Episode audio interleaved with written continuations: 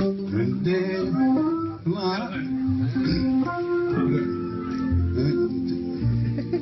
Unnar nætur Bastísar mann er rósfagra mei Hæ, gaman að fá ykkur aftur í þáttinn. Og til hamingju með frumburðin, Helgi og Ásta. Já, uh, við, við ætlum reyndar að vera lengu búnir að óska ykkur til hamingju og vorum búin að minnast á það held ég tvisvar fyrir þessa þætti að hérna óska ykkur til hamingju og Eva Rós. Eva Rose, sko, uh, ég kom með svona grín uh, Snapchat og sendið þeim Slefa Rose, S-ellinan Svega, af því við fengum einhverjum svona slef snapp af henni. Það var gott grín. ég fekk góðar móttökur þar, sko. Þannig að, hérna, já. Er pappin að færast yfir í þig, eða? Uh, ég er því miður að smittast af þessum djöful og drísil sem, uh, sem er pappahúmurinn þinn, Einar. Ég er með þess að byrja að leika mig með penna einna. Ég sé, ég er búin að vera að smetla þessu penna Ég ætla bara að leggja hann frá mér já. og hérna, já uh, hérna, já, annars er þetta bara 12 þáttur og við erum ennþá bara að tuða á eitthvað við vorum að, hérna, halda upp á þrítugsamalegans Arnars Haugs í gær, Arnars leikarafins okkar Arnar, leikaravinnur okkar, hann var þrítur samt sko uh, annan í júli. já, svolítið síðan og En við náðum að surprise hann geðvikt, þetta var, þetta var geggjað. Það var sérst búið að vera plott alveg í gangi að plana og gera og græja. Mhm. Og hann er karaoke fanatic. Þannig að við fórum á sæta svínið og, og hérna sátum um fyrir honum þar og Bergdísi, kæristunum hans. Hann held að vera að fara út að borða með vinkonu hennar. Já, hann var búinn að plana leiðilegt kvöld, en svo sá hann okkur. Alveg það var gott, við stóðum við barinn og hann var svo, hann var mikið að leita og það er svolítið dimmt í kjallar á hann á sæta svinnu. Jú, jú.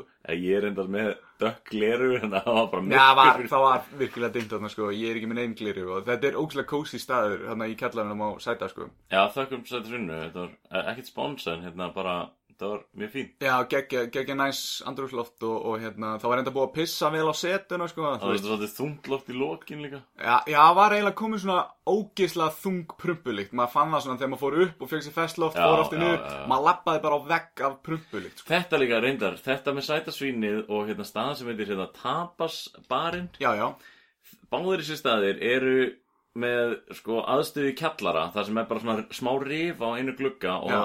Það eru allir náttúrulega anda og brenna hérna koltvíoxi Og prumpa. þannig að það verður loftlist á þinni Já. og svo þarna fyrir fólk til að halda upp á ammali sitt já og hvað gerist þegar fólk á ammali? Þá er kveikt á kertum og stjörnuljósum. Já, og þá já. ertu actually að brenna meira súrefni. Já, það er, sko, ég fekk aðsvif svona tvisvar því ég var hann niðri. Já. Einu sinni rétt áður en ég fór í karaoke. Það, var bara, það var held ég bara út af stressi.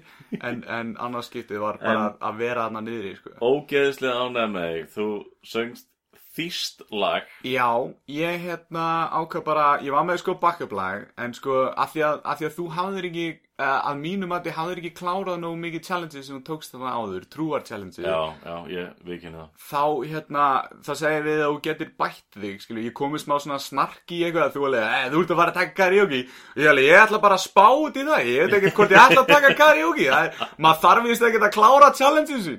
maður að en svona á endanum þá, þá datt mér í huga að reyna að fá, hérna, einar með mér í smá duett, sko, og ég leiði honum að velja úr einhverjum 20 lögum og hann leiði, þú veist, og- geðu við erfið með þetta, ég ætla bara að segja það strax. Já, já, já, já, þú áttir mjög erfitt með það. Og ég ákvaða endanum að valdi hana Time to say goodbye. Og að því það er eiginlega mest alltaf ítölsku þannig að ef einhver myndi, þú veist, það myndi enginn fatta að er að syngja vittlega texta því það fattar ekki hvað ítalska er að- og svona hvernig, hvað það þýðir allt. Þannig að við ákvaðum það og þú varst alveg, þú varst búin að segja já, sko Já, það, ég kom svo í nokkrum bylgjum, þá var ég til í Mhm. Já, já. En, svo, en ég ætla að viðkynna það alltaf því ég var að róast yfir í og var tilbúin Já. Þá snerið þú mér Já, hvaða lag var að taka?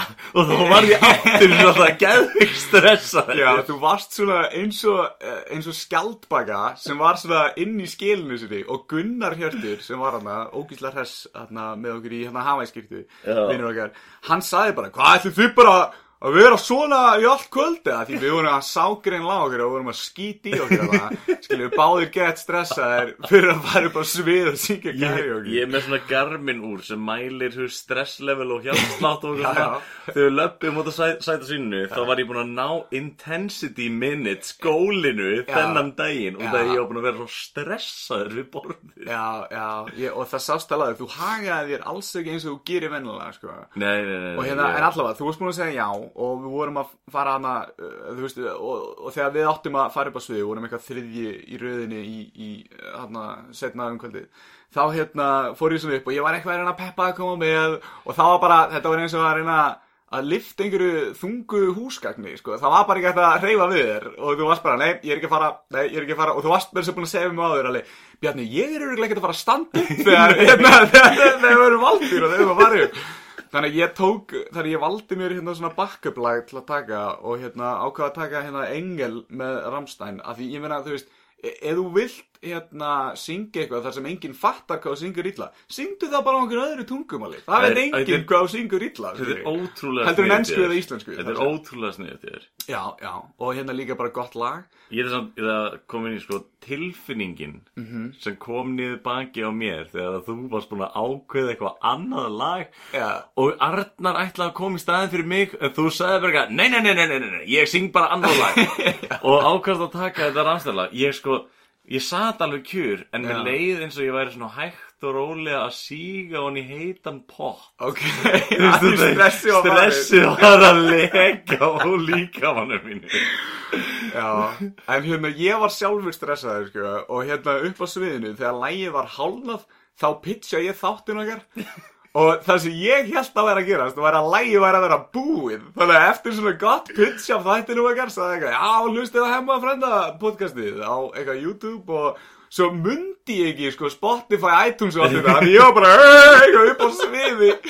Og síðan alveg, já, og bara takk fyrir mig. Já, og ég rétti henni mikrofónin og hún sagði við mig alveg, hún var í símanum bara eitthvað gælan sem var að sjá um þetta hún leik, er þetta búið? Það? og ég alveg, já, það ekki. Og rétti henni hérna mækin.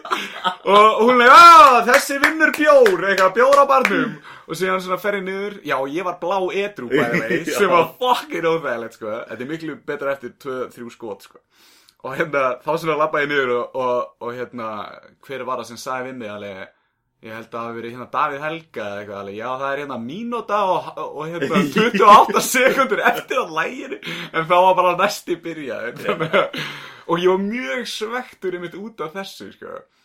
Já, hérna- þú stóðst þér samt svo vel og ekki verið söktur yfir þessu. Nei, Þú veist þetta mjög fyndið svo fórst og sóttu bjórum, komst tilbaka, horfður á mig Þú átti þetta ekki skilja En ég endaði þess að á því að drekka bjórin. Já, já, að því Arnar fekk sér einhverja tósopa og... Ég reynda að hella í þetta plastglas fyrir framann Major D-gelina Já. og ég þurfti tvö glös og það ég var hrygglega bara svona eftir mig og ég gæti ekki held í glasi og bara hell út um allt og eitthvað. Já, mikið svona örgulega spennufall. En, en ég er að segja þér að þú veist, þú varst búinn að segja já Þannig að það var einhver tímapunktur þar sem varst svona, ok, ég get gert þetta, ég get gert þetta. En, en ég við þetta er að þurfa að býða Já, Það þurfti já, já. bara, það hefði bara þurfti að, sko, ég hef bara þurfti að draga það upp, upp á svið og þú leik, hvað erum við að gera? Við erum að fara að taka karaoke Þá hefði bara, við já, ok. tekið það, skilju Það er líka sko, þegar maður horfir á annað fólk í karaoke, þú veist, maður gerir þetta ósýrátt, maður hugsar alltaf bara á, þú veist, ég get gert betur en þetta. Mm. -hmm. Skilur þegar það er einhver. Já, En ég ætla, ég ætla samt að segja bara svona karaoke uh, baksöguna mína er sko, kærst minn var í kór, Mhm. ef hún fer út hjemmið þá syngur hún í karaoke. Mm. Uh, til dæmis svona Eva frænka mín, veist, ef hún held upp á, uh, man ekki hvaða ammali var, en hún held upp á stóra ammali, Mhm. þá leiður mér svo svona, svona hljóð einangra herbyggi þar sem voru bara vinir hennar Já. að syngja karaoke já, ég kefti held ég þrjár fötur á bjór og ég var orðin sko, ég stóð allir lappirnar já ég hafði samt ekki kjarkinni að fara að syngja í karaoke fyrir kannski svona fimm manns, ég gata ekki og svo er sko haffyrirkavinahófrum þetta er allt kórlið Já. og það er bara ef þau fá sér bjór einhverstaðar þá er sungið í karaoke. Þannig að ég er búin að setja við svona 3000 karaoke lögum með fólki sem ég þekki Mhm. og með þess að það er tælesku veitingastæður út á völlum sem heitir Bankún þeir voru með karaoke Mhm. og við vorum einhvern tíma bara þrýr félagar og ég gæti ekki að sér sungið. Já, var engin annar á staðinu? nei, Vá, hvað það er fucked up, maður. Ég man ekki, kannski raulaði ég eitthvað smá þá. En um leið og við löpum út af sætasínu Já, og tók ég lægi með Arnar út já, á já, því voru að syngja piano man og eitthvað, bara geðveikt hátt og snjált, skilur Þú ert ekki með slæma söngrödd einar, sko, en það er bara, þú bara vilt ekki láta reyna á það fyrir framann hel, held ég fólk. Alveg alveg. ég, ég rugga mér svo mikið í stólnum að ég var að skrefa góla Já, þetta er bara sönnun fyrir það að þú júðar og juggar alltaf mikið og við viljum bara hérna, byggja kæri hlustendur okkar innilegar afsökunar á þessu júði og juggi hérna og ekki rópin í mér samt og því miður er ég ekkert búin að rópa núna. Og ég vil líka hérna skila hérna henda kveðja á hérna Ellen. Ef hún er úti að hérna fara með hundana eða hundi sinna að fara út að kúka. Hún var að segja mér að hérna hún hlustar alltaf á þáttinn þegar hún fyrir með hundi sinna út að kúka. Og ég vil bara segja Ellen hérna hafa það gott úti að lappa með hundin þetta er náttúrulega svona kúka þema í þessum þætti Það er sko. mikið rætt kúk, sko. dæmdir eða um það Já. Það, það líður valla þáttur þar sem, þar sem er uh, ekki rætt um kúk sko. þannig að hérna, já, vildu bara bara henda því á þig og, og hérna alla nýju hlustendunar sem voru á sæta svínunu og heyrðu fallegu þýsku röddina mína sem eru byrjað að hlusta núna kannski einn, tveir, hver, hver veit það gæti hafa verið einhver sem uh, sem vildi hérna hlusta á okkur Já. en já, var það eitthvað fleira sem vildi ræða varandi þetta kvöld? Þetta var, uh, já, þetta var sérst surprise party Já. sæta svínunu Hefnast ógeðslega vel. Hann, var- hann var geðveikt surprised. Hann var geðið surprised en eitt ég vil segja er að hann var búinn að plana sjálfur. Hann bauð okkur öllum laugadaginn fyrir Já, þetta að koma að gera eitthvað. Og, og Bergdís kæristan hans var búinn að segja á, á planinu fyrir þetta. Herðu hann er að pæli að hérna, fá ykkur með eitthvað á laugadaginn og eitthvað svona, en það var ekkert búið að plana þar að, að, það ætti, að við ættum að segja nei við hann. og ég sagði bara, Arda ringdi í mæli herru, ég var að pæli að hafa smá svona ammælistæm á laugadaginn og ég vissi að værum að fara að surprise hann á miðvikudaginn. Og ég alveg, já, ég hef alltaf tíma fyrir þig, Arnar. Leikarafinu minn. Leikara mínu minn, skiljur við og hann leik, já, geggjað. Og síðan fæ ég hérna skilabóð deginum eftir eða, eða setnum daginn eða eitthvað að þetta er off, það var svo léleg mæting. Allir búin að neita honum. Já, og ég fattaði ekki að ég átt að segja nei líka. En, en að því ég sagði já þá sagði Arna við mig þá, var, þá faldist þetta miklu betur. Að því Já, þú varst já. með, þú vildir mæta skilur það væri svo grunnsalegt ef allir væri að gera eitthvað skilur ef allir hefðu ekki tíma fyrir stóramali hann, myndi bara fara í eitthvað þunglindi eða eitthvað, skilur hvað er að meina? Það var svo erfitt líka, og svo þurfti ég að mæta í vinnun og tala við hann og eitthvað og ég var alveg Líka bara, sko, við þetta surprise samanlega, þetta var eiginlega pínu kraftaverk. Við reynda að gera þetta á miðvikudegi Mhm. En það komst svo mikið af foreldravinnum okkar. Já, Þetta er oftast eru foreldravinnur okkar það að annarkvort kemst bara annar aðilinn Mhm. eða þá að báðir þurfa að beila eitthvað svona var, þetta var alveg stórkostlegt. Já, þetta var góð mæting sko. Já, hérna, það er náttúrulega bara þekkt dæmi að þegar að hérna, fólk eignast börn þá bara verður það svona innibúkar. Já, og... jú, jú, og þunglind og, og svona alltaf svona kúkalegt dæm og eru með svona slef í fötunum sínum og svona. En hérna, já svo var eitthvað meira sem ég ætla að ræða um hérna Reyndar, reyndar þekkt saga eða fyndin saga þegar hérna eitt vinnur okkar við erum, við erum, sem sagt, við vorum, við erum nokkri strákar á leiðin við bústað þegar þessi saga gerist Mm. og við erum að sækja síðasta gæjan Mhm.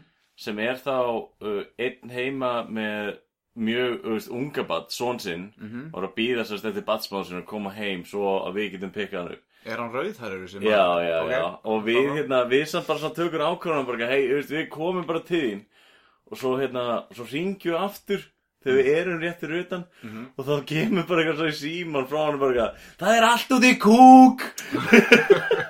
Og það er svo og fyndi nýbakaði fóreldri þú veist, það er örgulega allir nýbakaði fóreldrar að lendi í þessu að þvælast í þvægi og skít, sko. Rétt að hann einhver sækir hann í, í hérna bústæðasferð það er bara þannig sko. Já, ég, það hefur verið ótað ungbarnableiðu í andliti á mér þetta, ég er mjög mm -hmm. Og það var verið að reyna að segja við mig bara svona, hvað er þetta? Þetta er bara svona eins og svona karmelulykt. Nei, þetta er viðbjöður sko. Já, þú veist, mér, en þótt þetta væri karmelulykt þá veit ég samt að þetta er skítur, sko. Já, já, það er bara eitthvað við það. Þetta er eins og, þetta er eins og þegar ykkur prumpar og það kemur ekki prumpulikt og, og það er lyktalist sko, þú finnur Já, ekki lykt. já, já og, og þau segja, hvað er að þér? Þetta er lyktalist og maður er alveg, ég er samt með þarmagas úr þér. Inni í inniblunum mínum skilur, inni í lungunum mínum. Og það er bara, tilhugsunum við það er bara slæm skilur Já, reyndar eitt svona svakalegu pappabrandari í fjölskyldurinn minni, sko. Mm. og á ég náttúrulega tvo eldri bræður og kemur fyrir að ég hef kannski heimsókn og er á leiðinni svo út og eitthvað og það er eitthvað svona, hei, er þetta til að kippa þarna bleiðpókanum við hurðina og henda hann í ruslatunna og eitthvað? Mm -hmm. og ég er eitthvað svona, já, auðvitað, er á leiðin út. Já, tek upp pókan og heyri ég kalla inn úr húsinu Hei, kúkalabbi! Heyo! Og þú náttúrulega fer að hlæja og bara skýtur í þig Átta mig á þessu Og svona, svona kúast smá En fer svo með kúkablegin út Já, ég var eins og að vinna við ræstingar hérna upp á Kanavelli. Það var eitt af svona fyrstu vinnunum mínum upp á flugvelli. Og þá var ég hérna að þrýfa, ég var á kvöldvaktinu sem var að þrýfa sko spítalan. Og Mm. eitt herbyggi var svona batna skoðunar og móttöku herbyggi. Það var svona, þú veist, svona til að setja fæturnar í fyrir konuna. Já, já, já, já, já. og, og eitthvað svona til að kíkja skilur við þetta, Hérna, heitir örgulega já. skilurðu. en í hotninu þar Barnaskoðunar barnaskoðunar og svona gaur sko með tangir og svona en í hotninu þá var svona alltaf tunna sem var mert sko biohazard og þegar þú fóst ofan í hana og kíktir þá var þetta bara fyrir bleiur og bara barnakúkur að núni Og, og þegar maður opnaði þessa vel svona, hérna, hvað maður að segja, svona loftþéttu, skilur, af því það þurfti einhver að vinna að inni, sko, þá var þetta náttúrulega loftþétt, sko, það komst engin líkt að út. Þá bara, þú, þá bara, þú veist, gusa á mótni manni veggur af batna kúks líkt einmitt, sko. Það var örgulega versta herbyggið og minnistæðast að því ég var að skúra það umfram, sko. Já, nú ég hef skipt um bleiur sko, en það er bara Það er auðveldar að það skipt um bleiur fyrir mig heldur en karaoke, ég ætla að viðkynna það Okay. En ég samt sko uh, litli frændi minn og, og frænka, þú veist, örgulega uh, frængur skýta hrætt á mig því að ég er gæinn sem þarf, ég þarf að vefja bollnum mínum utan um andlitið á mér og eiginlega búa til svona búrku bara utan um hausin á mér Já, já, til þess að geta lagt í þetta sko já, En ástæðan fyrir maður að gera þetta, þú ert náttúrulega með hérna, lífveru þarna sem getur ekki gert þetta sjálf. nei. En er ekki bara nóg að smúla og hengja upp eða eitthvað, krakkan eftir það? Já, bara snúruna. Já, Já, ég veit ekki. nei, Ég get að ég get sagt að hérna, ein besta tilfinning í heimi Mm. er að hugga Mm. og þá, sko, ef þú ert með hágrátandi badd til dæmis mhm, og þú nærð að vera manneskjan sem að færða til þess að hætta snögta og líða betur já, þarna losnar um endorfín og bara eggjastokkarnir fara í gang og allt sko. Já, það- þessi þér eða? já, örglega Ertu með eggjastokka? Hvernig er Eh, bara heima. Ég er einmitt sko öfugt, ég veit ekki hversu oft ég er búin að græta hérna Oliver, hans Halldórs. Eila bara alltaf, alltaf því ég er í kringum hann þá svona byrjar hann með einhverja svipi og ég, ég, ég ætla ekki að láta þig gráta. Ég ætla ekki, og svo byrjar hann aaaah, skiljið þið veit Þannig að hérna, já ég hef einmitt svona öfug áhrif á, á börn sko. En ekki ketti, ég og kettir, við komum vel saman. Já, já, en þú getur ekki spila skák og ketti. Ekki við lítið börn heldur sko. Sérstaklega ætla að vera einhverjir tapsar hérna, grenjupúkar sko. Þá get ég ekkert uh, verið að spila um einhver börn. En hvað sér, hvað hérna við vorum nú að ræða þetta hérna rétt á hann við ætlum bara að koma því bara út í kosmosið að viku, þessi vika hjá okkur báðum er búin að vera tauga strengt erfið vinnu vika mm þetta er búin að taka svakalega á Já, ég er búinn að sofa, klippa steggjuna vídeo, borða og vinna eiginlega bara allan tíman. Já, ég er búin að, ég þess að, ég var sko veikur í vinnunni einn dag, Mhm. en ég var samt stressaður og ég var ælandi og hérna, og fór samt að vinna, þú veist, á öðrum stað, sko, Mhm. og eitthvað svona. Þú búinn að vera að gera eiginlega bara helling, eða ekki? Fullt af, svona, fullt af litlum verkefnum. Svona. Já, já, já, og rosalega lítið en fyrir sjálfa mig, skilur. Það er alltaf fyrir einhvern annan, Mhm. þannig að, þú veist, mann er á að líða svona, að ég hjálpaði einhverjum. mann er á að líða svona eins og að vera hjálpað einhverjum. En þú áttaði á því hvað þú ert að vanrækja sjálfa þig mikið en að þið líður eiginlega ekkert vel. Nei, nei, nei. Og maður þarf alltaf smá me time, sko, eins og þú sagði við mig áðan, þarna, að ef þú átt hálftíma pásu, hvort viltu nota til að fara út að skokka, eða leggjast í fósturstellíkunni á jörðina Já, og nýta tíman þar já. fyrir sjálfa þig. Það er eitthvað svona til að reyna eins og fólk kallar að hlaða batterín. Jú, jú. Svo, mikið svo, mamma segir þetta alveg nokkur sér svona eitthvað. Já, ég þurfti bara að hlaða batterín. Já, þú hliður ekkert batterín. Á hverju ert þú að renna eiginlega? Sólarljósið það? Ég, ég veit það ekki, eða veist, nei, það er nefnilega það sem er að gerast, þú veist, maður byrjar að svitna að stressi og þetta er, þetta er held ég bara svona fyrsta stig af, hvað heitir það, tauga áfælli? Og það hefur, það hefur örugglega ekkert hjálpað í gæra að ég var að reyna að neyða því í karaoke. Það er rúglega bara ekkert verið að hjálpa hérna Nei, en það er sko, ég ætla að viðkynna það að Það er sko, þetta var ógeðslega gott kvöld Mhm, Og geðu gaman að hitta krakkana mhm. En þannig að Ég var ekki ölvaður En ég er samt í hálgiru svona blackouti Mm. Á þessu tímabili þegar þú varst að reyna að fá mig í karaoke út að ég var svo stressaður En þú veist eins að og fór bara En þú veist eins og að tala fyrir framann fólk Ég get alveg haldið ræðu, ég hef haldið marga ræður. Hver, hver er munurinn á að halda ræðu og syngja veit, veit það ekki. Og hérna ég, allar veistlur sem ég hef haldið og svona þá ég er ég oftast búin að segja mér ræðu og ég les ljóð fyrir fólk og, og hérna eins og mér finnst mjög gaman að lesa texta upp. Mhm. ég get raulað hérna í hemma frænda sko sungið, mm. rifja upp lög og látið þessu áliti. Já, og ég þess að sungið inn á tvær plötur. Já, en ég veit það ekki, það er eitthvað. Já Þetta er merkilegt. Ég bara, ég, ég, ég finn ég fann svo mikið á mér í gær og bara svona þú ert búin að vera að klippa stekkinu á minn band og ég var svona, já, ég veit hvernig stekkinu mín verður ég verður látin syngja karaoke einhvers staðar. Já, takk fyrir þessa hugmynd. Við skulum bara geima hana í, í bankana hjá okkur. Og við finnum Já, einhvern en- fjölmennasta karaoke stað á Íslandi og látum við syngja erfiðasta lægið á listanum. Þetta spurning hvort að þér verið bóðið í þessa stekkjunu en mér var nú ekki bóðið í. Já, já, Hilmi bauð mér ekki í stekkinu sko. Já, það verður bara spes stekkin bara ég og þú. Og við tökum karaoke rönna á svona Japan eða eitthvað. Við og fullt af við japanskum tökum bara einhver svona dú þetta mm. við vorum lengi vel að pæla í ger já, And I were living together in perfect harmony. Já, við vorum svolítið að pæla í þessu legir og líka, mér langar, það er eitt lag hérna í, hvað var það, Ísraelska Júruvísalagið húpa húlla. Húpa, húpa, húllu, húllu, húpa, Já, húpa, húllu, húllu kanns, húppa, kannski að við þurfum bara að búa til húppa, af því skilju, af því það er ekki til karaoke-versinu af þessu. Við þurfum bara að búa til karaoke-versinu setja það á YouTube, skilju, síðan að semma frænda það. Þá erum við alltaf með það á backup, skilju Mm. en því þú finnur ekki eitthvað karaoke-lag þá búa það bara til, við erum með alla tæknina, við erum Man- með getuna. Manstu eftir í, í Keflavík í hérna, hvað hétt vídeolegin þar, Frístund þá eru nokkur Já, en já, já, var, já, uh, ég man ekki hvort það var hún en það var allan ein vídeolega Mhm. Ég man eftir þess að ég var lítill, veist, mamma var að gera það að hittast um saumaklúnum eða eitthvað svona dót, þá leigðu þær karaoke-tæki á já, og var- svo var karaoke heima. Gekkja Það er, þú veist, þetta fyrst mér svolítið spyrst og ég man að því allt í náttúrulega komir eitthvað ekki svona, hvað tæki inn í stofu? Þess að þú tengdir þetta við sjónvarpið? En þetta var svona karaoke tæki og var svona valum alveg hundrað lög. Já, öruglega, sko. Já, fyrir tíma netsins, jafnvel. Já, það gefur augalegu að skilja að ég tók ekki þátt í þessu karaoke kvöldi. Ég var bara eitthvað uppi, gæti ekki sofið og svo stressaður. En þú syngur í sturtu eða?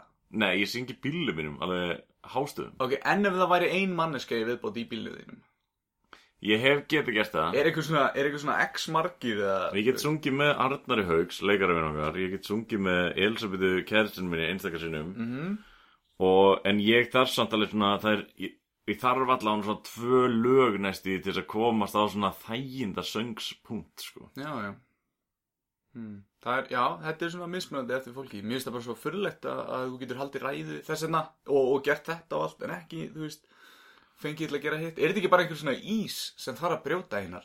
Eitthvað Ég- sem þú varst að tala um þetta. Er einhver ís já. sem þarf að brjóta? Ég man að ég sagði við þig í gær þegar við sátum hana á sæta sinnu ég, ég svona bauð þér að þú mætti velja. Og ég sagði við þig Bjarni ég skal frekar hlaupa heilt marathon heldur en að fara upp á svið og syngja með þér en þú stökkst ekki á þann hest Nei, þú nei, hefði getað nei, nei. mig í að hlaupa heilt marathon Nei, já þegar ég hefði pottið tekið í höndina þér og Ég, ég vill ekki drepa þig, sko. Þú hefur ekki eins og tíma til að leggjast í fósturstellingar í hálftíma. Hvað þá undirbúið þig fyrir marathon, sko. Þannig að, hérna, það er allt annað að fara bara og syngja ykkur text af skjá, skiljur.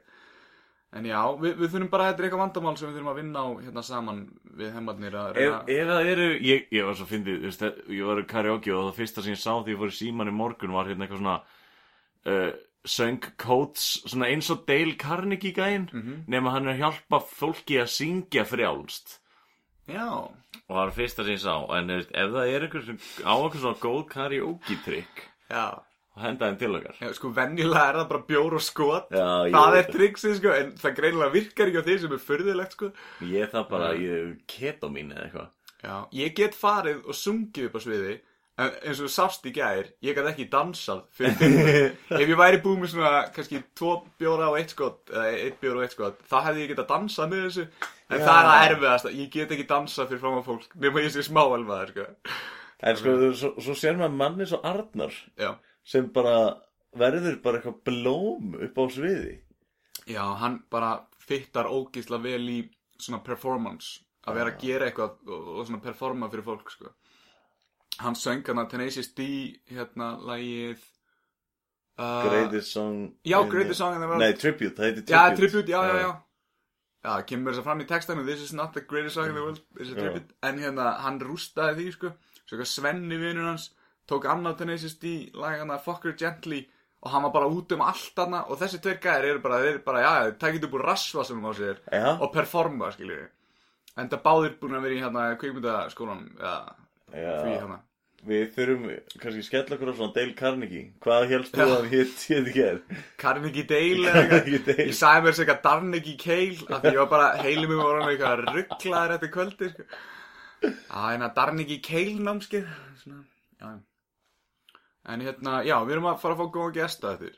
Já, ég... Og við, það verður nýtt spenntur. Það verður nýtt, hérna Dagskrárliður. Nýtt dagskraliður sem heitir fréttir Eða eitthvað svona, Já. frétta Það verða fréttir á eftir, þannig að býðið spennt eftir fréttur Já, já, já, já, það verður eitt óþægilegt lag í viðbót. Það verður eitt skelfilegt lag í viðbót og hérna Er þetta stólið lag eða? Þetta er ekki stúlið lag, Já, nei, þetta er er- alveg gjössanlega frumsami lag í stúdíu Já, já, já, já. og hérna, já, svo munu fá hann, hérna, hérna, Árna. Árna Jóhans, uh, betur þetta sem Árni Sheriff, uh, þjóðskjalavörður, eða skjalavörður, ég veit ekki nákvæmlega titill, sko. vinnur á þjóðskjalasafni Íslands og hérna, við ætlum að fá að heyra hvað spennandi hlutir er að gerast Já, það. ætlum að fletta nokkrum blaðsíðum í, í lífsögu æfi Árna. Já, það er svolítið líka spennandi að því hann, hann er skjalavörður og ég er að ímynda mér alls konar ævintýri, skilju, alls konar illa vættir sem hann var að verjast þið komist ekki í skjölinn. Þurfa að vera með eitthvað svona bardaðalistir á bakvið sig og eitthvað. Hann er mögulega einhvers konar svona munkur með, með svona munkatækni, skilju, og ja, jiu-jitsu og, og hérna taekwondo og allt þar á milli, sko, karate og, og hérna capoeira, capoeira og svona. Já, hérna, hérna brasilíska dansbardaðalistin. Ég held að það sé Já, capoeira. já, já. Já. Eddie í Tekken, hann dansaði, eða hann barðist svoleiðis. Já, sjáum hvort átnið sé eitthvað svipaður Eddie í þekkjum. En uh, fyrst uh, fréttir.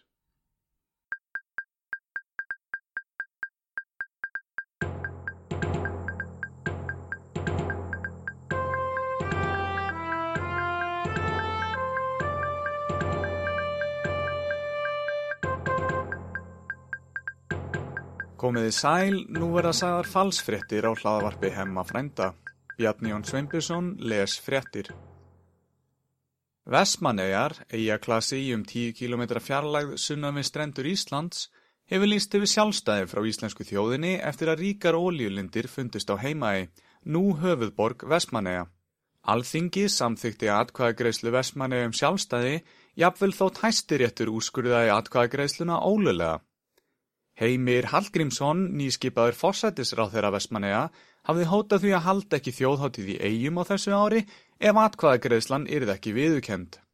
Í ávarpi til íslensku þjóðarinnar sagði Katrín Jakobsdóttir fórsættisráð þeirra að sér ditt ekki til hugar að sleppa þjóðháttíð í ár því það væri svo bilað line-up og massa stuð í dalnum. Guðlaugur Þór Þórðarsson utaríkisráð þeirra á fund með heimi Hallgrímsinni á komandi vikum til að tryggja að þjóðháttíð verði haldin í Vestmanneum líkt og hefur verið síðan 1874. Bardaga íþróttamaðurinn Gunnar Nelson mun mæta hundrað andstæðingum í einu í næsta bardaga sínum sem verður háður í hústýragarðinum í laugadalnum 24. ágúst næstkomandi. Til að svara ævafornu spurningunni um hvor myndi vinna, einn bardagakappi eða hundraða leikskólabörn, hefur Haraldur D. Nelson, fadir Gunnars, skipulagt bardagan í þeim tilgangi. Haraldur segir marga foreldra hafa sínt þessu áhuga en það sé mikið um að börn á leikskóla aldri sé að æfa bardaga íþróttir á borðu Brazilian Jiu-Jitsu og Taekwondo. Heiða Björg Pálmadóttir, fórstjóri barnavendastofu, hefur ekki tjáð sig um málið en hún er í sumarfríi fram að byrjun september. Hægt er að kaupa miða á mu.is, heimasíðu hústýragarsins, en aðtugið að það er 16 ára aldurstakmark við ingangin. Donald Trump, bandaríkjafósetti, hefur fyrirskipað viðskiptaþvinganir á milli Íslands og Mexiko í ljósi þess hver mikil neikvað ummæli eru höfði garð hans af íslenskum og mexikoskum fjölmiðlum. Donald Trump segir að falsfrettir og neikvað ummæli um sig í frettum nágrannaríkja sinna verði að linna svo hann geti gert bandaríkin frábær aftur. Viðskiptaþvinganirnar eru strax byrjar að hafa slæm áhrif á íslenskar matvöruverslanir og skyndibitastaði sem selja mexikoskar matvörur á borði kveitivefjur og salsasósur. Elias Örn Friðfinnsson, kokkur í Reykjanesbæ, hefur gaggrínt fyrir skipin Donald Trump og segir hana skelvilega fyrir takkósenuna á Íslandi. Elias er um þessa mundir að fara á stað með matvagnin Taco Bless í Reykjanesbæ og segist svart sín á að geta rekið matvagnin í núverandi mynd án mexikoskra afurða. Hvernig sem hann mun halda af stað með reksturinn segist hann alls ekki ætla að selja hambúrgara að bandarískum sið í tilrönd til að fá Donald Trump til að sjá að sér og hætta þessum viðskiptaþvingunum. Umsjónamaðu falsfrétta hemma frænda var Bjarni Jón Sveinbjörnsson. Útsendingu stjórnaði hemmi frændi.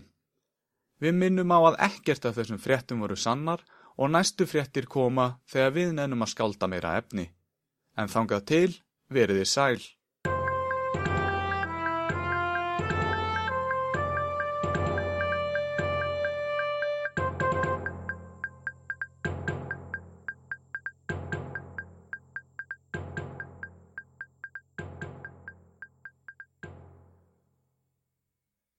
Verðu velkomin í þáttinu, Átni. Takk fyrir.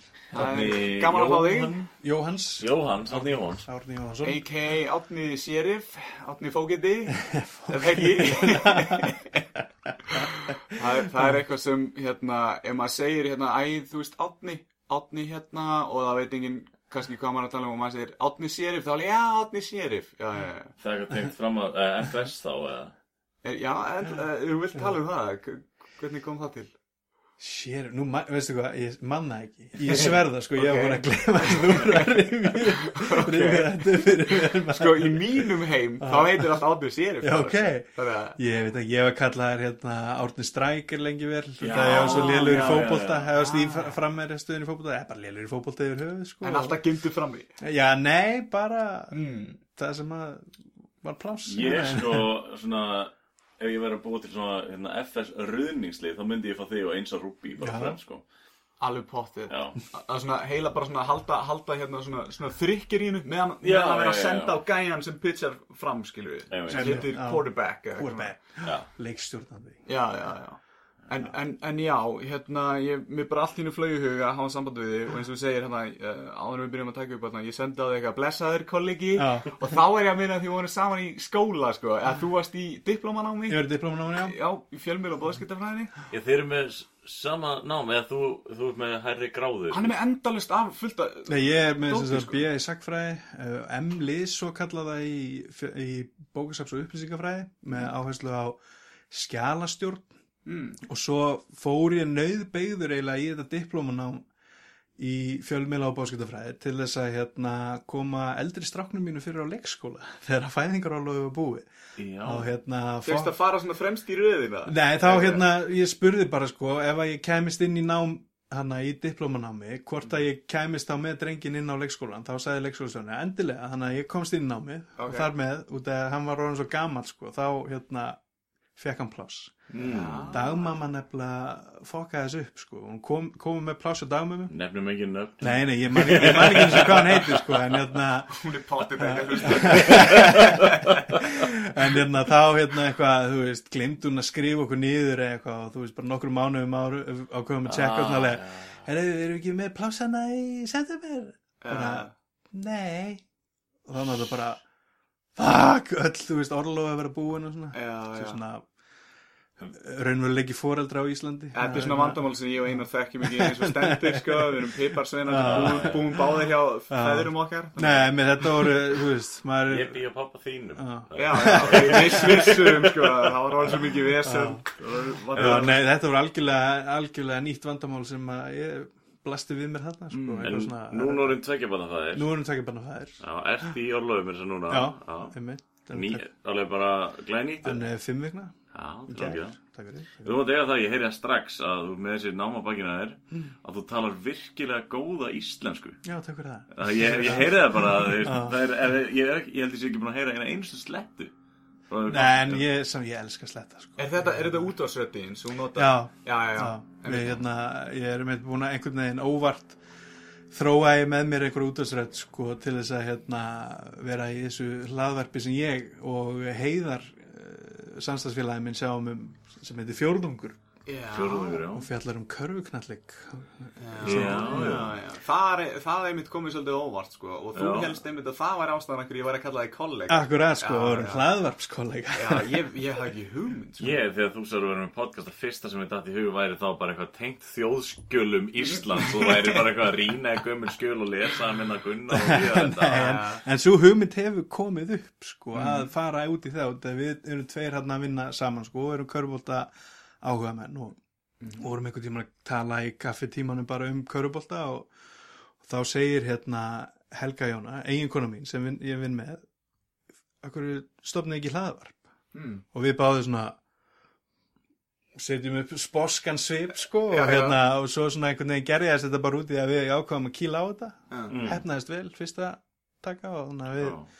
tókum sensta tímambil og vorum með hérna, umfjöllun um uh, körfubólta. Og erum við að tala um íslenskan Íslenskan. og bandarískan? eða- bara dóminustelt Karla. Já, og hérna, við ætlum svona að tvinna einmitt sagfræðina inn í það sko. Og reyna að hérna tala um svona körfubólta liðina Landnámsmennirnir voru að spila körfu voru, að- henda, henda höfukúbónum af föllnum og hundum í gegnum gerðir. Já, höfuði leður notað á boltana og svona af, af, einhverjum hérna en, það er svona, já, en við höfum fengið hérna báðum um, um leifi í seinasta vitur að hérna taka dag frá og, og aðtuga hvað við myndum finna af heimildum um íslenska körfubólta í, í sapkosti þjóðskjálasafs Íslands. Og það er töluvert til, skal ég segja. Ok. Það náttúrulega kemur með kananum daldi, Já, þannig að hérna samskipti íslenskra körfubóltamann og kanans, að finna daldi um það. við erum aldrei verið þekktir eitthvað sem eitthvað svakaleg körbóltafjóð Nei, bara svakalega körubólta áhuga þjóð þú veist, um, elskum að horfa á körubólta en mm. Mér finnst þetta eitt svolítið gaman í að skjóta þið inn í að hérna, þú varst actually þér að bent á að vera með podcast. Þú spurður af hverju gerur ekki podcast og meðan við hérna hennar frændu fræðir við fáum hérna af hverju eru þið með podcast? Já, vinur okkar, þú veist, þetta er tólti þáttur núna og Einar var einmitt að segja það á það Vinur okkar eru fyrst núna alveg, eru þið að hlusta á þetta, þú veist, er- er eitthvað var í það. Það var einmitt gæðið fyndið hérna út af að ég sá að þið voru komin á Twitter Já, þekki þess að gera, góðu gera hendur follow á það. Já, já. svo fæ ég notification eitthvað nýr hemmafrændi podcastáttur og Árni og veist að þú ert einu fylgjönda á Twitter. Þar þú eitthvað svona sérstaklega heiðustísli Já, þú varst alveg einn á tveim eða einu fylgjandur okkar, þannig að Já, en Twitter, hérna, já, þú ert svolítið duglegur á Twitter líka að koma með eitthvað svona, einhver svona sniðug wablam um leikina sem áttu sér stað um kvöldi Já, Þannig að, að- þetta er svona maður er svona þetta er einhvern veginn svona ég veit ekki, speysar einhvern veginn yfir því að horfa á íþróttur og svona bara svona, herðu, þetta er snið já. Hendið út. Það er, nefnilega, það er ekki bara hægt að koma með staðrendir, þú þarf að koma með eitthvað svona snið á Já, Það er það og krók. Og það krækja á á hann. Ég ég hef aldrei dótt inn í Twitter Nei. geðvikina, en veist, svo er maður að horfa á bara, eins og að horfa á bara Gísla Martin vikuna. Já. þá eru allir inn á Twitter Akkurat. meðan og það er bara áhörendur að communicate. Sko. og þetta er svona uh, þú veist, 12 stig hérna Eurovision sko, Já, þú veist, alls konar fólk sem að er ekki alltaf á Twitter en, en dettur hann inn yfir Eurovision dæmi Já, og svo siktar hann að rúf út, skilur hverjir mega, eða þú veist hvaða skilabóður er komið gegn. Og það var ógísla fyndið, það var, ég var einmitt að horfa á vika með Gísla Martin. Og það var hérna- vegan með Gísla Martin. Vegan, vegan með Gísla Martin. Og það var hérna Áslaug Arna, hann er sjálfstæðiskona, Já. rítari sjálfstæðisflagsins og það var hérna, ædjúl heitir hann, heitir hann ekki Átni, Átni hérna, æf fyrirverandi formaður sambandungra sjálfstæðismann, hann er með podcast, hann að Hismið í dag, heitir ekki Átni?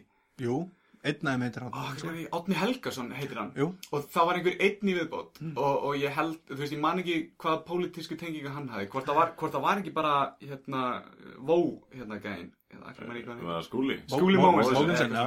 og það kom hérna, það kom hérna tístaleg já, loksins komin sterk vinstri slagsíða í þáttinn. Þú veist, það þetta var bara pólitískt hæra fólk að það í þættinum sko. Þannig að það kemur ofta alveg ógísla fyndnir syngerar þú veist, Já, í gegn, Já. hana hjá Rúf sko. Stundum Þannig að- líka svona vittlýsingar að fljóta inn með sko. Ég hef alveg séð alveg stundum svona tweet sem er maður Það er bara svona pappahúmorn í gegn með eitthvað sko. Já, já, Og já. margir að facepalma heima og- Já, já, við byggjumst velvinningar á þessu, það voru smá teknilegir örleikar hann Svo var brjóstahaldarinn bara vinstra megin í skapnum Já, í skjáttum vinsravegin og, og hérna, þetta var ógæslega góður brandari átni og bara takk fyrir að segja okkur hann. Og Svo hérna, langur en því miður við, við kannski höfum að bara setna eitthvað Þurfum aðeins að klippa hann út.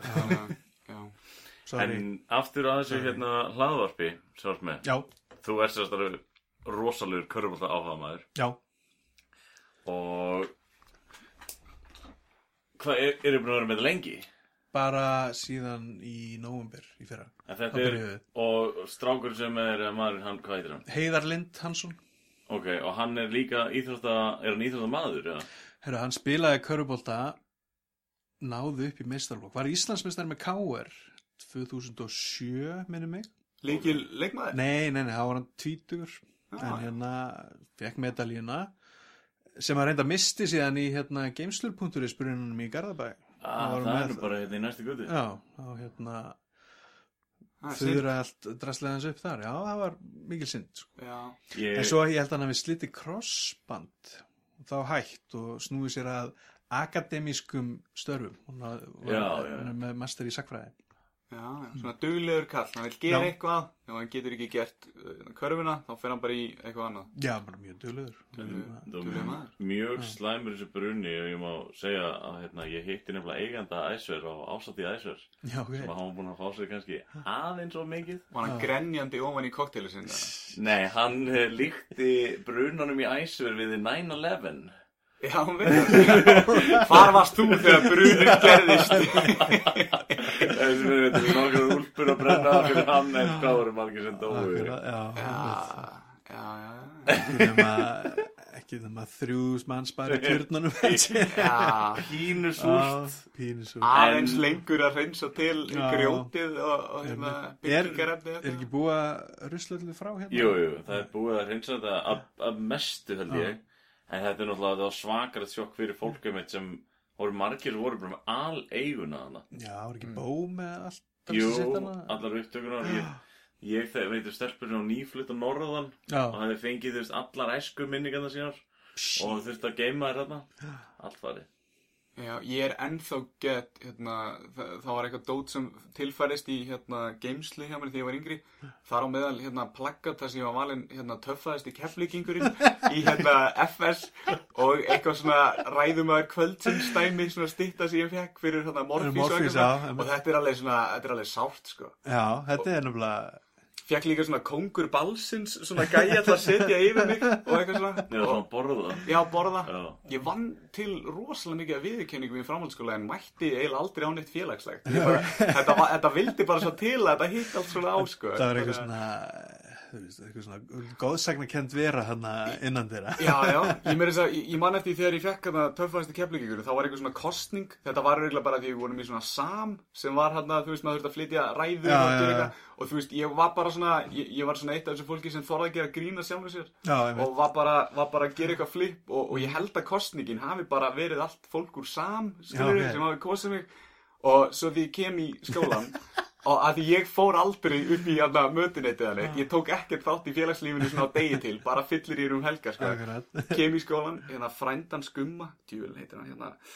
Sjómaður, nei, hérna heitir eitthvað svona Arunbjörn eða eitthvað. Hann er með, nei, hann er með svona, hann er með svona hvíta, hvíta lokka, hann er úr sandgerði, held ég, eitthvað svona, ok, allavega, hérna, hann segir við mig eitthvað, hei Bjarni, til hamingi með hérna viðkenninguna, og veistu hvað ég segi við hann, ég segi við hann, hei takk sem við leiðismæður, og við erum svona að mætast í stíganum, hann er já, geggjað, og svo lappar hann niður, svo kemst ég bara að því eftir þetta að ég vann og hann fyrir sandgerði. Hann var kosin eitthvað svona magnaðasti sandgerði þannig ég var bara á staðnum bara að segja eitthvað takk sem við leiðis Ah, skiljiði og hér bara áfram með mitt líf. En það vildi bara svo til að hann hafði líka verið valinn sem, eða kosin sem eitthvað svona. Má segja að þú hafi píkað í FS alveg potið sko, þetta er búið að vera downhill síðan þá. Ef, ef, ef ég ætti eina ósk þá var ég að fá að taka allt FS aftur.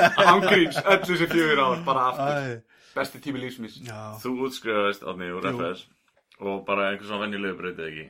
Eitthvað? Nei, ég byrjaði á hérna grundild málmennar og það var svo í uh, jólafríuna, þá var ég að vinna í slipnum í Njárvík og var að bræða ís á þilfæri á bát. Já, já, já, já. Að þá hugsaði ég, þetta er ekki ég maður. Þetta er ekki ég. Þannig að ég ákveða að fara hérna bóklegu breytna ætlaði fyrst að klára hana upplýsing og fjölmiðlafræði. Mm. svo það er eitthvað vesen sko.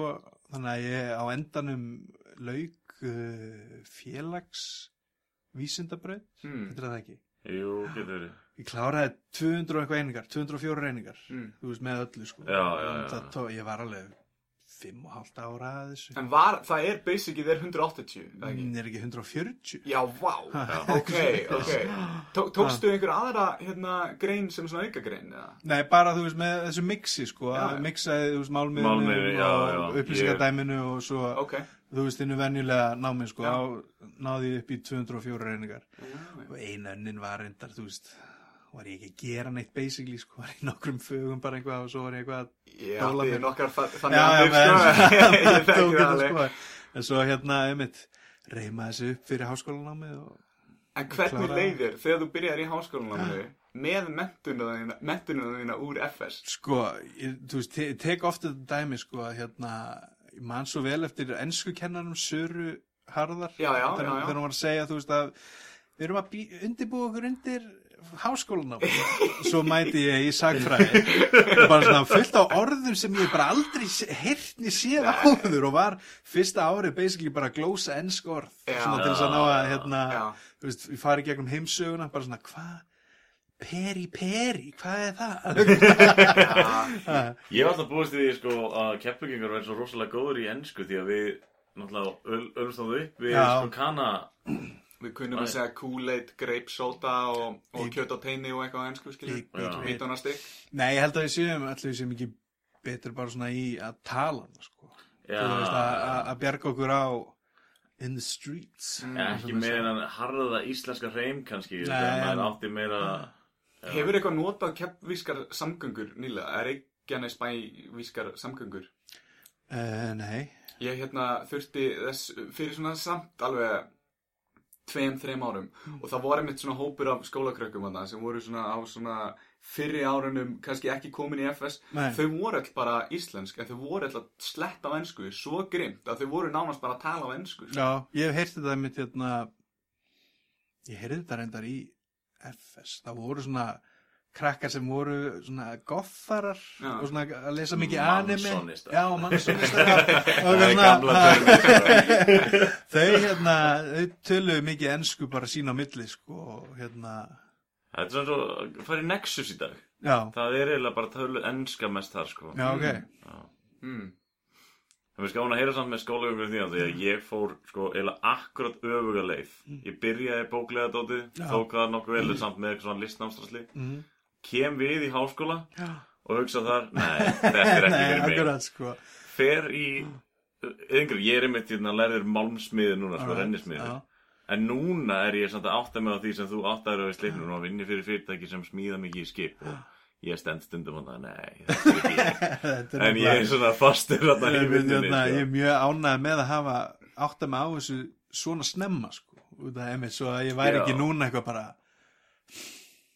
Ekki að segja neitt af því, það er ekki nei, af því, nei. mjög mikið fullónu fólki sem fyrir háskóla, sko. Já, það er bara sem finnst magna á Ísland, þetta er ekki, tilgjönd ekki út. Nei og líka einmitt, ég ætlaði akkurat að segja hérna, veist, þetta er svo gott að hafa hennan sveigjanleika þú veist, einmitt að þú veist, þú ert ekki fastur í eitthvað, þú verður að fara og verða smiður eins og pappiðin eða eitthvað svoleiði sko, Já, en þú getur Mm. tekið bóklegu leðina ef þú hefur áhuga, en svo náttúrulega þú veist hérna geggja ef að fólk hefur áhuga á yðingarinum sko. Þetta er mér þykir mjög gaman að rafsjóða til dæmis. Kannski meira svo það sem hobby fyrir já, sjálf akkurat sko. Þetta En er samt hérna- einmitt öfugt fyrir mig. Ég vil alltaf bara fara í bóklegt sko Og ég vildi óska þess að ég hefði tekið einhvað innám Til að hafa bara, þú veist Til að geta dottið í vinnu bara hvar sem er, skilju já, Þú veist, eins og mentinu sem ég er með í fjölmjöla bóðskiptafræðinni Ég, ég veit ekki hvort ég get dottið bara hvar sem er inn, skilju Ég ætlaði einmitt að spyrja út í þetta þú veist, Þið eru með hana, svipa nám Þú ert ekki með meira bakvið þú veist, Hverjir eru atvinnumöguleikarnir eftir svona? Nú vinnur þú samt sem með, Það get ekki verið mörg pláss á þjóðskjala samt í Ísland Nei, nefnilega ekki, Þú sko. ert í svona flottu starfi í með námið eða ekki Og þetta- lendir svona góður hillu. Var það skeggið? Og þau bara, vá, við verðum að fá þetta sko. ég held ekki. Það er reyndar pínu fyndi sko hérna, mastersrikirinn sem gerði í hérna, Hmm. hún var eiginlega nákvæmlega eins og sem sagt, eftirlits kannanina sem við framkvæmum þá verðum við að kanna sem sagt, hvernig ofinbæri aðalar sinna skjalavíslunni sinni Mm. mm. og hérna, einmitt, mastersrikirinn mín er bara nákvæmlega eins og eða eiginlega nákvæmlega eins og þessar kannanir sko, þannig að ég er svona með sagfræðina og þetta út af flesti skjalastjórar sem að eru að vinna í hún opir í dag eru með þessa mentun bókasafs og upplýsingafræði Mm. þannig að þú veist, þarna kem ég frá úr tveimur áttum Þverfaglegt já, svona. svona, pínu, já, pínu þverfaglegt sko og hérna og já, einmitt, bara og er pínu réttu maður réttu stað, það var kona sem hætti þannig og auglisti akkur þegar ég er að klára hérna náum mitt, þannig að ég er náttúrulega bara að sækja um. Mm. og fæ starfið. Já, og bara uni mig vel. Mm. ég hugsa að þetta er svona æfistarfsdæmi sko. ég, hérna, ég get alveg séð með hana út af því að þetta er nefnilega hérna, pínu áhugamáli líka sko, þú veist, sagfræði já, þú veist, þannig er ég innan um skjölin. Mm. daglega amstrið er svona að hafa eftirlitið með opinbera aðalunum mm. hvernig sinna skjalavíslunni sem er bara bundin í lög og reglur Eru þið hálfgerð svona lögregla þegar kemur að skjalafæslu? já, við höfum oft rætta sko, hvort að við fáum ekki svona windbreakers eins og hérna FBI og DEA eru þú veist þannig að þeirra Með kem með, þotni á bakinu sko og svo bara hana BÁM, eru þið að grísi ólulega hérna? Ha? Ég segi OSVAF, opinber skjalaförður já, það getur verið Ó nei, OSVAF, fylgir skjölin, fylgir skjölin Voru- Brenni bækuna Ég var að pæla í þessu áður og komst þetta hvort þú væri mögulega með eitthvað svona bardaga íþrótt á bakinu sko. Þetta er vörður, sko, skjalaförður Er mikið af fólki að ráðast á skjölin Skilur við það Er ekki vinnusamur í hotinu Nei, þetta er hérna þetta er svona lost in translation dæmi út af erlenda heiti er mm, mm, já, sem er hérna pínu virðulegra heldur en nefnir skjalavörður mm. en hérna Arkaf er bara skjala geimsla Ar Jú, jú. Archives er bara skjalasapt sko, í Skjalasamt, rauninni. já, já. Ég vil langar samt að spyrja þú veist þetta er nú þekki og lítið um þetta starf hvort að þú veist, áttu þér eitthvað svona atviki vinnunni sem er uppáhalds veist, eitthvað svona sem að það er greinilega alla, allan ekki allir dagar einsjöðir Nei. þetta sé alltaf Er það ekki bara þú finnur eitthvað svona gull bara eitthvað svona gamalt bara geggja skjali eða eitthvað svona Jú, það er pínu þannig sko, þegar maður finnur eitthvað svona merkilegt hérna, eins og ég, te ég tek við, ég hef verið að taka við enga skjólasöfnum mm. þú veist, það er skilda að opinbera skila sínu skjölum Já. en við viljum fá skjöl frá fólkinu Mm. hérna, þú veist, bara þannig að þetta er svona sagana ofan og neðan sko, þannig að það við var dekkum út það á alltaf. dánabúið með eitthvað svoleiðis eða? Já, og líka bara þegar fólk kemur með, þú veist, dagbækur og bref Já, já, Og já, já, sko. já, já. Já, þannig að við, þú veist, út af dagbækur til dæmis hérna, lýsa svo mikið viðhorfum fólks já og þau eru ofta að tala um, þú veist, líðandi stund og þú veist, hvað er að gerast í þjóðfélaginu Frá brefin líka, já, frá Já, og svona, já. þú veist, hvað, hvað fólki fannst um, þú veist, tiltekin stjórnmálaflokk eða eitthvað svo leiði, sko. Eins og þetta er einmitt ástæðan fyrir því held ég að, að útvarp saga er alltaf tekin upp í dag. Þetta er náttúrulega bara geimsla um tíðaranda. Tuð tíðarandans Eða tuð og nöldir tíðarandans Já, og, já, einmitt ein- einu sinni fekk ég hérna í hendunar það hér, maður sem hafði verið héraðslæknir fyrir austan já, á Ílstöðum eitthvað og hérna og hann var í einhverjum nefndum líka svona, þú veist, þú veist, þegar í gamla dag voru menn sérstaklega menn, alltaf í, þú veist, öllum störfum, þú veist, menn Já, voru læknar já. menn voru í sóknarnefndinni maður var í hrepsnefndinni, maður var í bæjarráði líka, sko, Já, þessum já. litlu plásum, sko svona Já. svolítið klíka líka Já, akkurat, sko, já. þú veist bara, hann er læknirinn, hann er flottu kall, hann er, þú veist, bæjarfókitinn, hann er flottu kall, við gerum allt bara, við gerum þetta allt bara. Ok, ok þá, og þá, hérna, með skjölunum hans kom afrit af manntalskíslu Já. frá, held að það hafi verið lok 19. aldar eða byrjun 20. ég manna ekki alveg Kekja.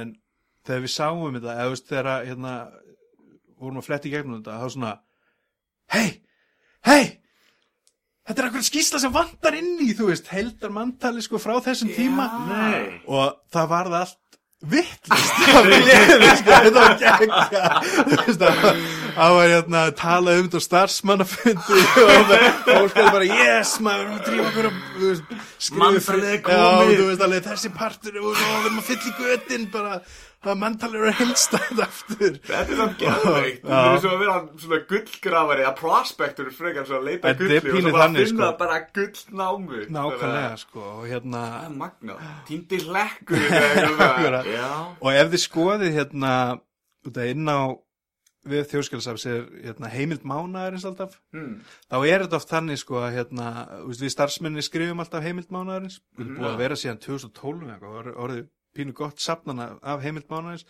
þá er þetta oft svona eitthvað sem einhver rekst á og bara svona hei áhugavert, Já. þá getur hann skrifa svona meir um þetta sko eins og ég hérna Já, bara svo er, og þú, það er svona bara, þetta er að auðvelda fólki að kynna sér þetta með að setja sem og mánar veist- á netið. Já, og núna, þú veist, eitthvað sem hægt er að deila þú veist, á Facebook og Twitter og eins og ég hérna, fyrst skil sem ég gerði þá var þetta um hérna bíla og vagnasmiðju, ég að hann hefði heiti Kristinn Jónsson Mm. þá hérna, hann var fyrsti bílasmiðurinn á Íslandi sko, hafði verið vagnasmiður í upphafi 20. aldar svo þegar bílarnir koma þá náttúrulega, þú veist breytast þarfina sko og hérna svo kemur herin Mm.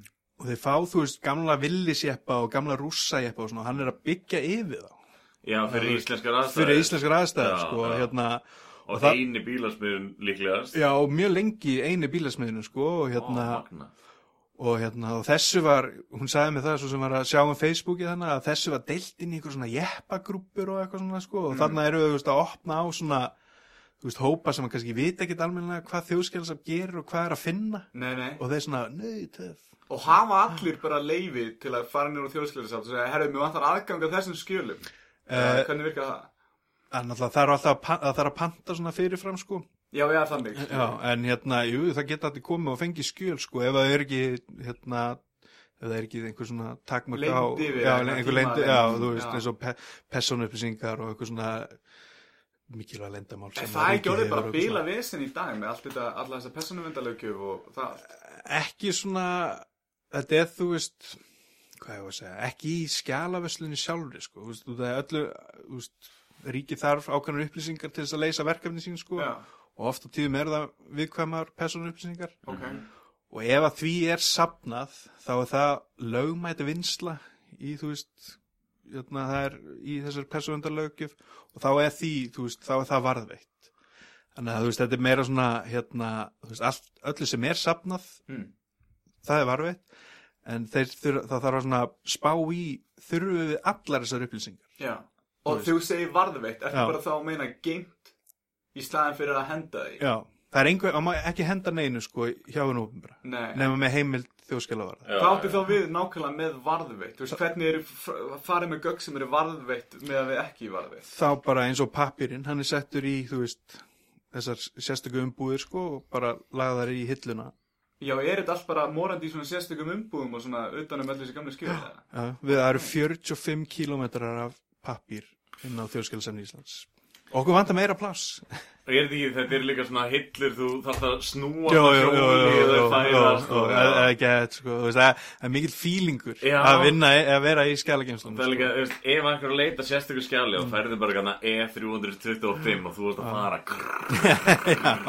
og þetta er þetta, ég myndi þetta magna ég, ég held ég myndi ekki fá svona mikinn áhuga á að hlusta á þú veist pælingar um hérna þjóðskjöla Sko, þér finnst það magnað, mér finnst það spennandi, en þetta er bara klám fyrir átna, sko. Já, hann er já. bara, hann er að vinna á svona einhvers konar, uh, svona erotískri vestlun hugan. Já, já, og það, er svo mikið til, sko, þú veist, eins og núna þegar þú hérna hafði samband veist, hvort ég geti fundið eitthvað skemmtilegt, sko, þá hérna fór ég að skoða, hérna, og það er nýbúin að fá, sem sagt, skjálasapt keflagu kaupstæðar og fengum hann í einum pakka Keflæk Nærvík og Hafnir sem að varða urðaða Reykjanesbæ. Og bara svona gannir fór ég að skoða í geimsluskrána sem er svo skráin bara yfir safni sko. Mm. og fann þar, þú veist, fundagerðabækur vinabæjar nefndar Keflækur og mér fannst ekki nefndin Vinabæjarnefndin. Svo fór ég að skoða en ánar þá var hérna sérstug bók um hérna vinabæjarnefnd fyrir Orlando. Við, við keflaði var vinabæjar eh, já, var vantarlega vinabæjar Orlando og í kraftið þess komu tveir leikmenn Orlando Magic hingað til lands og kendu í körfuboltabúðin sem að ég fór einmitt í Já, árið 94 já, og hérna það, þú veist, hérna veist, þetta er magnað. til sko. Veist, það sem að heiða opinbera gerir á að vera til sko. Er á að tala um vinabæir þá á milli skóla eða bara Nei. milli bæ?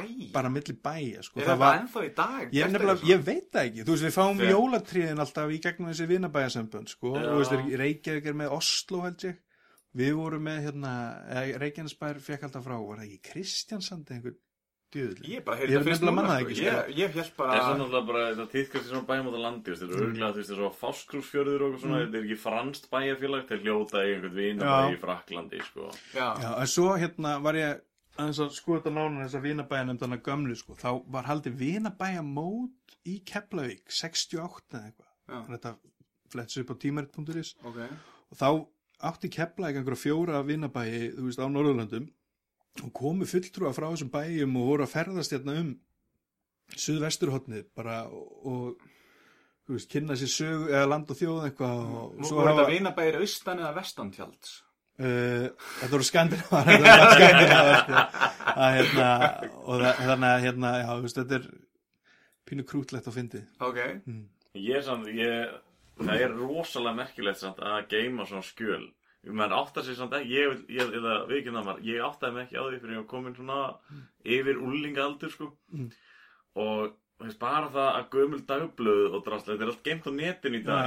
Og Já. það er mjög gaman að skoða. Já, og snilld, sko. fór að skoða, bara ég veist, ég gæti skoða því að afi var að selja húsi sitt og bara já, bara því hann er bara geðveitt einbilsús á miljón og þetta er bara stórfrið einhver tíman þá hérna reyndar bæjarskristuðu keflækur voru að sækja einhver byggingaleifi í jörðina sko, þar sem, þar sem ég bjóði keflæk já, og þá stóð einhvern tíman fjós þar og Já. þetta fjós var selt fyrir uh, þeirri ár beljur og einn hest eða eitthvað svona og þú veist bara það að geta fengið að sjá þetta Já. þetta er, þetta er magnað sko þetta er magnan dæmi sko. Ert þú í reglulega að posta einhverjum svona myndum hvort það er á Facebook eða Twitter eitthvað af einhverjum svona sniður í shitið sem þú finnur? Jú, og ég eiginlega svona sé um Twitter aðgang þjóðskjálasafsins sko. Það er ekki ekki það. og er svona, einmitt, ef ég finn eitthvað skemmtilegt og Já. svo ég var að ganga frá sjúkraskíslum um daginn Mm. og þá hérna sett ég inn svona mm, það er ekkert betur en að sjá skjöl komast í réttar umbúði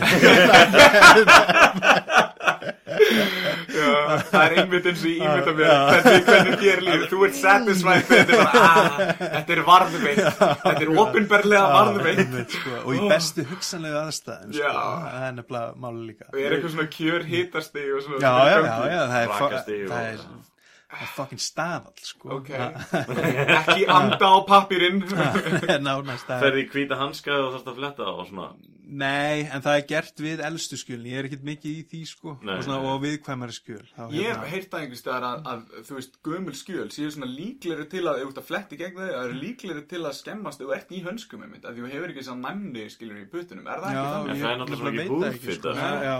Er kannski húðfittan af þér getur eiginlega Já, ég fann það, ef þú það- snertir bara, skilur, alveg endan á blaðsíðunni, skilur Ég veist Já. um farðinir í þjóðskalasjá og láta Ég ætla að byrja að gera það, sjá hvernig ákveður stekkur á mig, hæja, bara, En þessin eru við til dæmis að hérna að skanna allt inn sko. Mm, þú veist þetta svona eldra dót sko. Þá eh, þarf ekki að handfjallaða lengur. Einmitt, fólk getur líka afgreitt sér sjálft. Mm.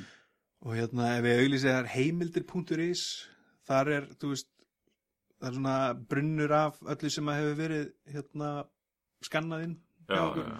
og líka skönnu skjöl frá Danmörku sem var það samskipti Dana og Íslendinga frá 1907 til 44 geggja, það er bara historical Já. gold, sko.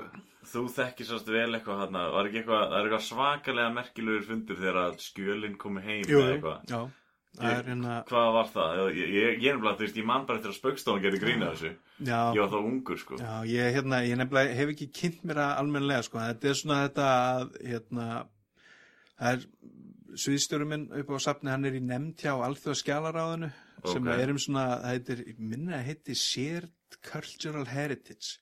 Það er, þú veist, þegar að herra þjóðunar voru að taka skjöl af nýlendu þjóðunum Mm, og eru svo að ah, skila þeim tilbaka, sko. Þetta eru skjöl sem að varða íslensku þjóðuna en eru gemd út í Danmörku út af því að eða voru gemd út í Danmörku út af því að þeir ré- réðu yfir okkur sko. Já. svo fáum við það tilbaka Já, já. en í dag er, þú veist, ennþá verið að berjast um þetta, sko, þú veist, eins og hérna frakkar um hellingaskjölum sem var að, þú veist, Afriku þjóðir Já, hollendingar já, já. og, og englendingar vantarlega Öll líka, þessi sko nýlendu já, veldi já, hérna. Ég var líka bara, ég var í Greiklandi, sko, hérna Akropolis já, og sko veggjamindirna sem voru á Akropolis voru náttúrulega sprengdar, sagaðir sundur og fluttar eitthvað. Þær eru dreifðar um allan heiminn. emmitt Og þú veist að það er, við, fólk vil ekki skilja þessu. Nei. nei, akkurat, sko En mér veist þú, uh, fáránlega duglegur í meða við þetta viðtal hérna, þá sko, þú ert með podcast mm. um körfubolta, þú sérðum tvo Twitter aðganga sem þarf þú að gera eitthvað. Það er bílu vinna bara, það er að finna eitthvað sniðugt að segja á Twitter í bílu vinna. Þú skrifar í einhverjur íþróttafréttir fyrir eitthvað MBL. Vísi. Vísi, já, það er viðtalvinna og skrifa niður. Þú ert í þessari vinnu og tvekja bara það er Og þetta er líka allt svona hugsa vinna, skilur við. Það er ekkert af þessu bara svona eitthvað drone vinna sem við getum bara verið að einmitt, uh, hérna Nei, ég er mjög ánægð einmitt með að hafa komist í þannig vinnu sko, að, hérna, sem er ekki þú veist, alveg eins á hverjum einast degi ég var orðin sérfræðingur í fríhöfninni á fyrsta degi sko. Já, veist, þetta já. þannig, þú veist, það er bara Já. alveg, alright, ég kann þetta og svona verður allt sumarið Fyll á, Fyll á, sefir á kassanum. Uh, auðveld, auðveldast að vinna í heimi að selja Íslandingum áfengi og sígarettur. Já, bara benda þeim í áttin á hotninu sem sígarettunar eru og þú mátt taka með þér tvær kipur og eina sterka eða þetta dæmi sko. Fannst ég þá ekki sérstaklega gott atrið í áramótasköpun Ég bílaðist og maður, ég var bara, ó, okkur, okkur sömdu við ekki lag? Já, einmitt, því þetta, af því þetta er íkt svona simpul lag svona, Já. en það meikar svo mikið sens og það hittir svo vel á. Akkurat, og þetta var alltaf, veist, þetta var alltaf svona söngur, sko, eða þú veist, svona Já, já. mantra alltaf bara, veist, maður læriði það bara, svo kom hann eitthvað, hvað má ég taka aftur með? Það er þetta búið að breyta í núna, þannig að að ég er orðin þessi viðskiptavinur. Hvernig var þetta því? Þetta var ein flaska og tvær litlar eða eitthvað Já. Þarf maður að kaupa svona mikið áfengi þarf maður eitthvað, ég verð að maksa kvótan Nei, ég, hérna, ég ríki skulda mér nokkra lítra sterku, sko, ég tek alltaf bara bjórin eða. Já, Já, það var einmitt þannig einu sem voru að koma heim frá hérna Mexiko sinni. Og hérna félagi minn kefti flösku úti með svona sportdrega í. Já. og hérna hann glemdi henni í töskunni sinni. Og þegar við förum í hérna fríöfnina þá segi ég bara, nei ég nenni ekki að kaupa mér eitt áfengi, ég ætla bara að labba út skilju hann fer og kaupir áfengi. Svo er hann stoppaður og tekin í check. Og þeir finna þessa sportdregaflösku sko, Já. þetta er tjúlinlega tequila eða eitthvað svona já. já, og hérna, þú veist, ég hefði léttlega getað tekið dóti, skilju, en ég var bara rétt komin út, þú veist, alls konar svona, þú veist, kjáta, þannig að hann þurfti að borga auka fyrir flöskuna og fekk ekki að taka hana með sér. Nei, what? Þannig að öruglega því að var sportugi. Já, já, já, já. Það geti að verið svona auka vesen, sko. Þannig að, Já, það er vantilega eðanni á okkur sérstaklega e, já, það er einhver svona smökk, smökkuna deilt hjá, hérna, já. Þið hafið svona spáðir verið að vinna í þessu batteri hérna, Isavia batteri Hver hefur ekki verið að vinna upp á flugvelli? Nákvæmlega, já. aldrei. Það er ótrúlegt að þú sért alveg Ég, á já, þessu. ég er, ég er mjög samanæð þér, þú veist, þótt að komi dagar hjá mér þar sem maður er svona pínur robot Já. að vinna í vinnu sem er challenging Já, og fá að gera ný verkefni veginn heldur manni lifandi sko. það er, það er mjög Þú mikilvægt. held ég, deyrið sko. allavega hægar innri þér, e- ef þú ert í einhverju sem þú Já, akkurat, creative, sko. Já, Bjarni er einmitt, Bjarni leiðist það mikið í vinnunni sinni hann er farin að búa til svona challenges og hann, hann, er farin að reyna að skipta um föt fram á gangi og, og fá kvartanir og Ég er ekki að gera það inn í þetta En, en ángrís, ég, ég, ég veit um tekin að tala um daginn. Og verður að standa á nærbuksu fram á gangi. Sko, yfir maðurinn minn sem talaði við mig Hún var í svona 5 mínútur að drullaði út í af Því hún gæti ekki að hlæða Ég held að væri verið að fara að reka með eitthvað fyrst E, ok, ekki kannski reyka mig, en skamma mig fyrir eitthvað alvarlegt, sko, en hún gæti ekki hægt að hlæja og ég leik hvað, drullaði þessu út þér, segðu hvað það, skilju, en, en samt svona kurteisislega, drullaði þessu út.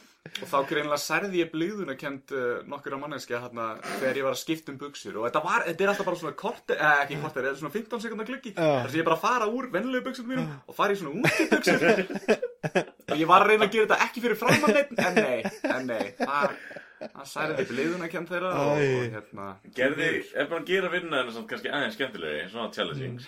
Já, þetta var Nei, samt ekki. Ég er löngu döður, þú getur grafið mig núna sko. Það er bara, það er ekkert spennandi við þess að vinna lengur. Ég, ég hef sagt þetta nefnilega núna keflíski vinnir, það er eiginlega sko, það er svona á og bjöfakt bara í Keflavík, já. actually, af fólki. En ég mitt, þegar þið byrja að vinna þarna ungir, mér fannst eins og að væri verið að búa til gamla kalla. Já, þú veist, þegar þú bara svona sest í stóliðinn og bara, ó, ég var 16 tíma vakt og bara, já, vannsamt bara í fjóra og annars varst í Playstation eða eitthvað. Það var þannig ángríns til að byrja með sko. Já. Vaktirna voru þannig að, þú veist, á lögadöfum þá voru við bara í fríi frá kannski nýju til tvö eða eitthvað þá var bara ekkert að gera í vinnunni sko. Nei, það Í dag er þetta að- stanslaust, Ég var að síru þú ál og eitthvað kannski í 14 klukkutíma Það er bara þitt val einar Þú er alltaf að sótið um upp frá Já, ég veit það, þú sko, þú veist, hei, þú mismöndi heima já, já, já. og ég var bara svona, þú veist, vinnuslýs og ykkur er gillinæð. Gillinæð og, og hérna, jú, jú, það hefur ímislegt gæst þarna sem ég má reyndar ekki ræðum, sko, búin að skrifa undir svona þagnarskildu, þannig að ég má ekki ræða ómikið um vinnuna, sko, en, en já, já, margt gæst þarna. Þú hefur sloppið á því. já, Já. ég fór að hérna sumarið sumarið eftir að ég fekk nóg sko þá fór ég að vinna einmitt með hérna hjá pappans Ella Já, sem já, er hjá já. okkur í senasta þætti vandalega Já, Það sést það. já, þar séðast það hvað er það? Hvað er það? þá hérna, hann var með fyrirtæki sem að bjóð til eh, eða var að setja upp sorpeyðingastöðar Já. vann hérna, við vorum með verstaði hérna í Njárvík eða hérna í Njárvík hérna, Já. í Njárvík hérna fyr, fyrra sumari og svo vorum við á Húsavík setna sumari að setja hann upp actually, sko. Já, já. Ok. Og þá bara að þetta urðist og eða þú veist hvað voru. Já, við vorum að setja saman opnana sem Já, brenna já, sko og já. hérna, og hérna magnað. það hérna, í Njárvíkunum og svo varum við fluttið norður Mm. og við fórum með þannig að þú veist, þetta var bara sumavinna hjá okkur sko já, já. Þetta er mjög sérstakt verkefni, sko. Mm. Setja upp Einmitt, og hann var komin í sambönd við einhverja hann var að vinna með einhverja, ég held að það hafi verið skotar eða eitthvað mm. en svo bara, já hætti fyrirtæki, ég gekk ekki upp Er það kannski að því það er búið að smíða allar sorpingastöðar sem þarf á landinu? Nei, ég veit ekki, þetta var svona top of the line sko, nýjasta nýtt Ok. einhverju filterkerfi eitthvað sem á jörðin kannski þarnast samt Mm, hérna. já, Þa, það er alveg ekkert að segja að þú ert ekki búin að vera spennandi störfum yfir lífið, þannig að... Nei, En, þetta er bara fínt sko, ég Já. hérna, get ekki hvort það Nú svona fluttur í bæinn hérna. Uh, myndir þú segja að það væri fyrrum keflingingur eða ert alltaf keflingingur? Ég hugsa að ég sé alltaf keflingingur sko. það er hérna þú veist, það er örgulega líka bara út af íþrótt áhuganum Já, já, Þú veist, það maður hérna- tengist rosalega vel saman sko. það er hérna, Ertu að fylgjast með kefla ekki fótbolta? já voru að gera jafntöflið í fjölni, jöfnuð á 94. mínútu það var gæð Við hefum ekki lengi verið samt stórir í fótbolta þannig að við er okkur ekki búið að dala svolítið Jú, Svo gaman, ég hef ekki búið í keflag sem ég var lítill, ég segi samt uh, við Já, Keflavíkurliðið, einmitt, sko. Já. Nei, þetta var hérna við mistum af gull, gullöldinni sko. hún var á hana 60 og 70 og eitthvað sko. Já, já. hérna. Við vorum einu sinni kortir í hérna mestara. Já, Hérna, 2008 og ég var að 2008. Þá var ég grimmur í Púmasveitinu, sko. Já, einmitt. Og eitthvað eina sem við þurftum að gera var að ekki tapa einhverjum leikamóti FH eða eitthvað svona. Já, var, ef, ef þeir hefðu náð jafnteflunana í Kaplakrika orðið Íslandsmeistar í Hafnafyrði Já.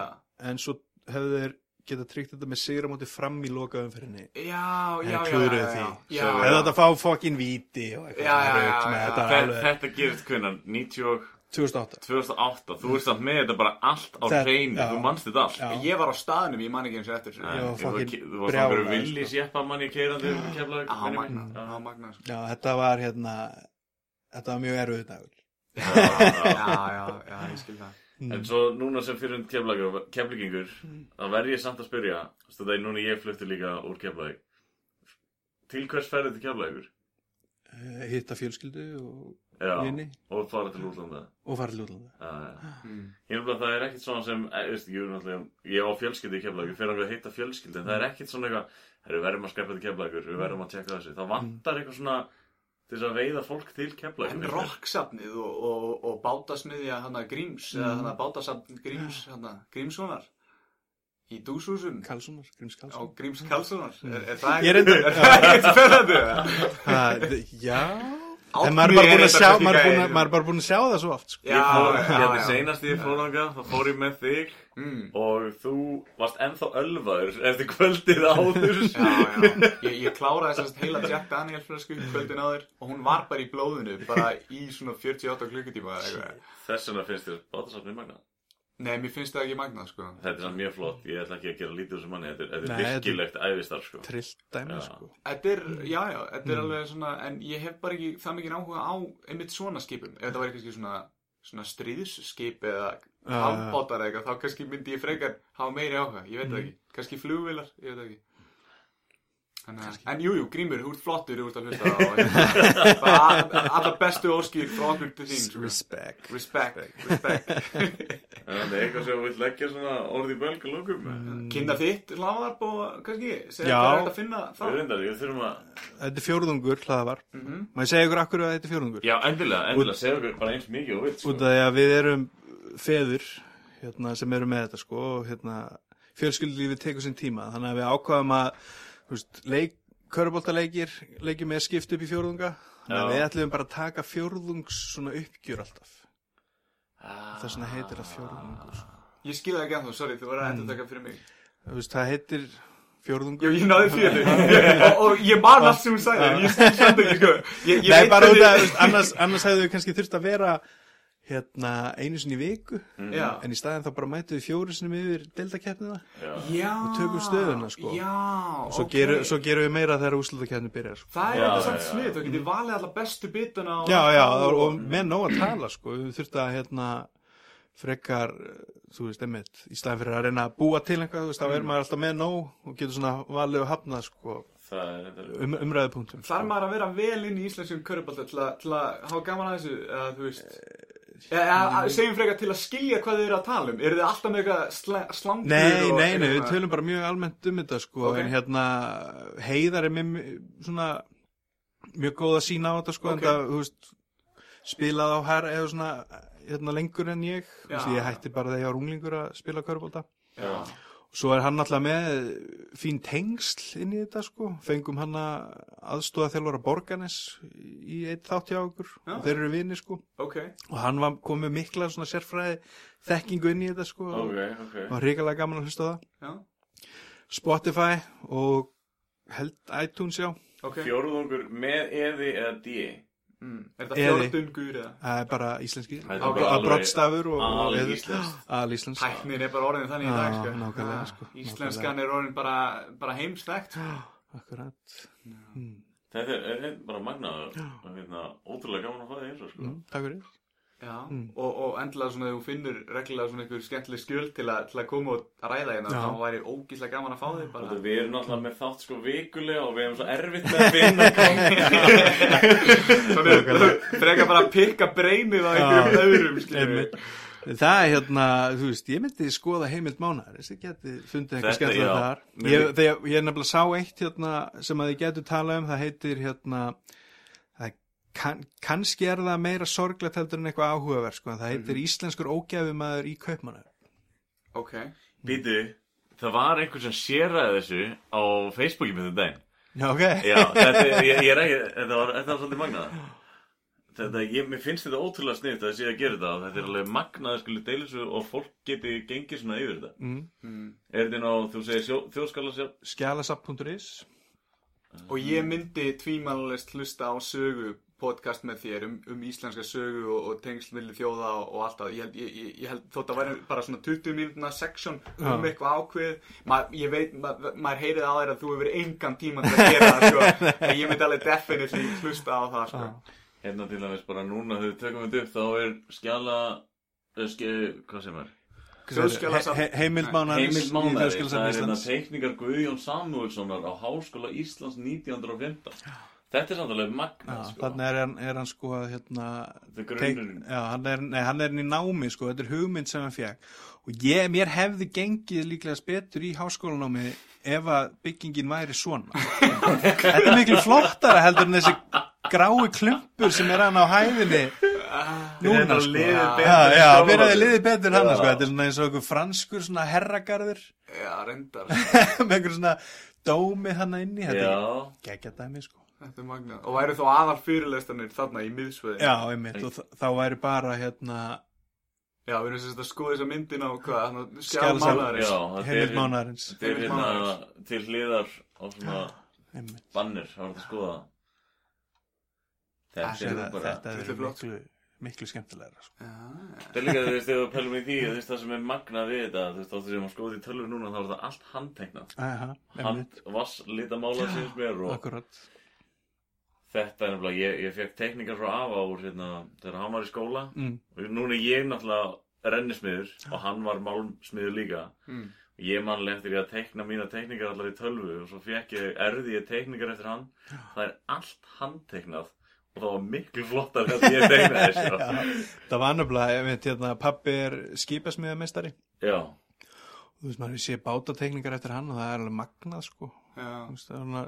Er En þurfi ekki allir að læra handtekna fyrst, er það ekki hluta náminu? ég veit ekki hvernig það er núna, sko. Já, Já. ég tók einmitt grunntekningu já. Já, og hérna það var fínt, fínt fag já. Það er samt bara svona eins og þú, þú, þú þarfst að læra tölustafina til þess að geta gert starffræði, sko. Já, Mm. Þú þarfst að kunna grunninn bara til þess að geta búið til þrjútatekningu, varpaða tekningu og allt, skilju. Þetta er bara grunnurinn að grunninum, sko. mm. Er einhverju spennandi leikir í körfuna að koma bráðum eða er kannski deildin ekki einu í gangi? það er frí þessu Já, hún byrjar í oktober Já. ok, En liðin eru svona að byrja að myndast og hérna, við erum að, við erum að leggja draugin að fyrsta þætti vetrarins. hvenær hvenær er von á honum?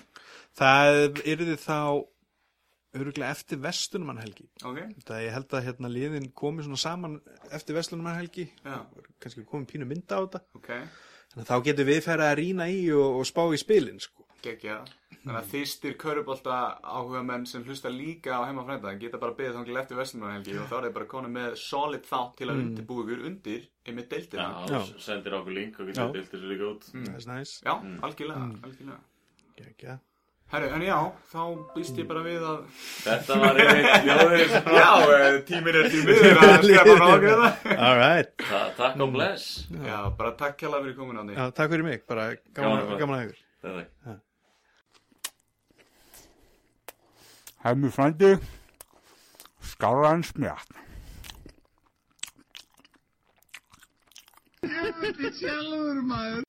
Hann heitir Átni og segir dæjæjæjæjæj Hann vildi ekki vinni í Átni svo hann var skjalaverður. Það er rétt. Og Já. hérna, mjög skemmtilegur skjálafurur svona, maður býst alltaf við því að þegar einhver vinnu við að geima pappíra og raða þeim og eitthvað svona að það sé leiðilegt fólk. En Árni er ekki leiðilegu maður. Nei og sko sögurnar sem við sögðum ekki mm -hmm. þær eru mjög margar því að hérna, var margt sem að svona, allir okkar kannski ætluður að reyna að hitta á Mhm. eða koma í samtal Mm en bara komst ekki að út af því að það var gaman hjá okkur og við spjallum nú Já, og nota bene að sko, við vorum ekki með neinar tilbúnar spurningar fyrir átna. Hann bara svona kom og við ætlum bara að vinga þetta. En þannig held ég bara að koma bestu spjöllin, sko. En, en já, uh, hérna... Þetta er svona eins og fara bara á fyrsta deytið, skilju. Já, tekur aldrei með svona tilbúin spurningarlista eða svona tilbúin svona... Nei, ég er alltaf með þig bara með mér. Segðu við hann ánum með fallegar tær. Herri, Bjarni elska þig. Hann er samt fullur. Já, það kemur fyrir. En hérna, ég ætla örugglega aldrei að drekka aftur. Það er önnur saga. Það er saga fyrir annan þátt. Ætlar aldrei að drekka aftur út af því það það er svo mikil eftirvinna að klippa mymbandi og fyllir í hennu. Mm, til að mynda en líka bara, þú veist, það er svo margir dagar sem fara í það að bara jafna mig eftir jam og ég Já. bara nenni því Ég, hérna, ég er ekki hættur að drekka, en Nei. ég er hættur að vera ölvaður. Já, ég kann það ekki, sko, þetta er svona allt eða ekkert dæmi hjá mér, sko Ég fæ mér en uh, ég gerir það hægt og, og skynsanlega Já, ég myndi aldrei bara geta verið að jamma með einhverjum þá getur 12 og síðan fyrir við inn í bæ og ég byrja að drekka vasklaus. Það er bara ekki að fara að gerast, sko. Það fyrir líka enginn í bæ klukkan 12. Ég er að meina svona tvöleitið. En já, Átni, takk fyrir að koma hér og Já. hérna, við minnum þessa hlustundur á sem að eru að hlusta að endilega kíkiði á hérna uh, þjóðskjálasafn Íslands það er þess að skjálasafn.is og að tekka til dæmis á þessum hérna sko heimildi mánaðarins og það þar á meðal er sko átni höfundur nokkra þeirra og ef það er einhverju keflisku hlustendur þá er einmitt ein hérna um kjarnorku vá í Keflavík Kekja. sem að uh, foreldrar ykkar alla eiga örglega sögur um það að þeir eru nokkuð vissum að það hafi einhver tíman verið kjarnorku sprengja í Keflavík Já, já, já. og þetta er allan heimildir um úr einhverju skýslugerð og þetta það er til heil hellingur á þessum heimildum og bara verum fullarinn kynnum okkur landið og hérna kannski reynum að vera gáðari bara. Já, flott loka orð.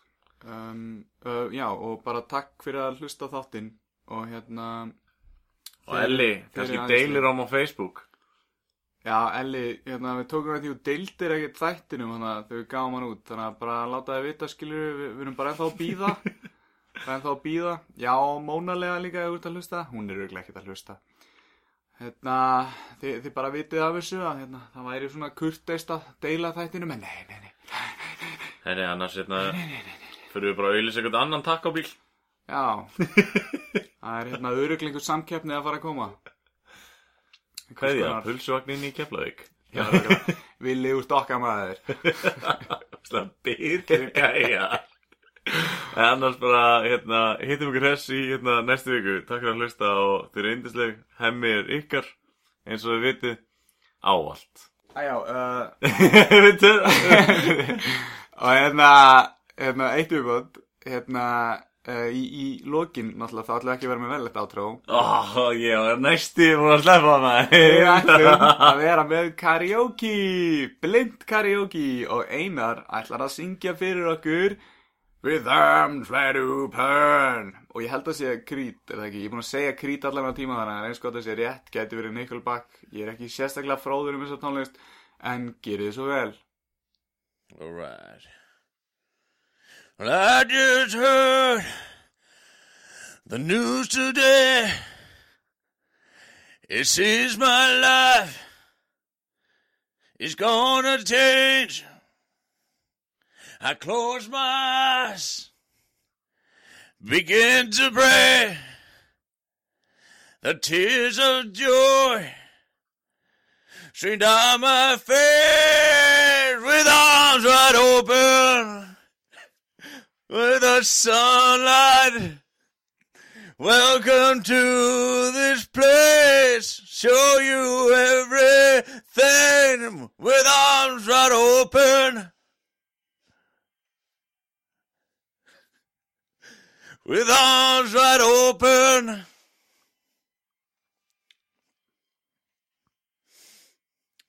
Well, I don't know if I'm ready to be the man I have to be.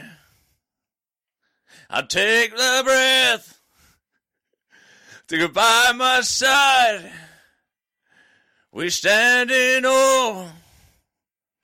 We created a, with arms wide open the sunlight. will Welcome to this place. I'll show you everything with arms wide open. Þetta passar ekki saman. Show you love. I'll show you everything. Wide open. Wide open. Það er geðveg gítarsóla í gangi. That you restaurant ways only one demand. Hopes he's not like me. I hope he understands. I can take his life and hold it by the hand. And he can greet the world with arms wide open, with arms wide open, under the sunlight. Welcome to this place. I'll show you everything with arms wide open. Everything stays. Show you love. I'll show you everything with arms wide open. With arms wide open. Oh!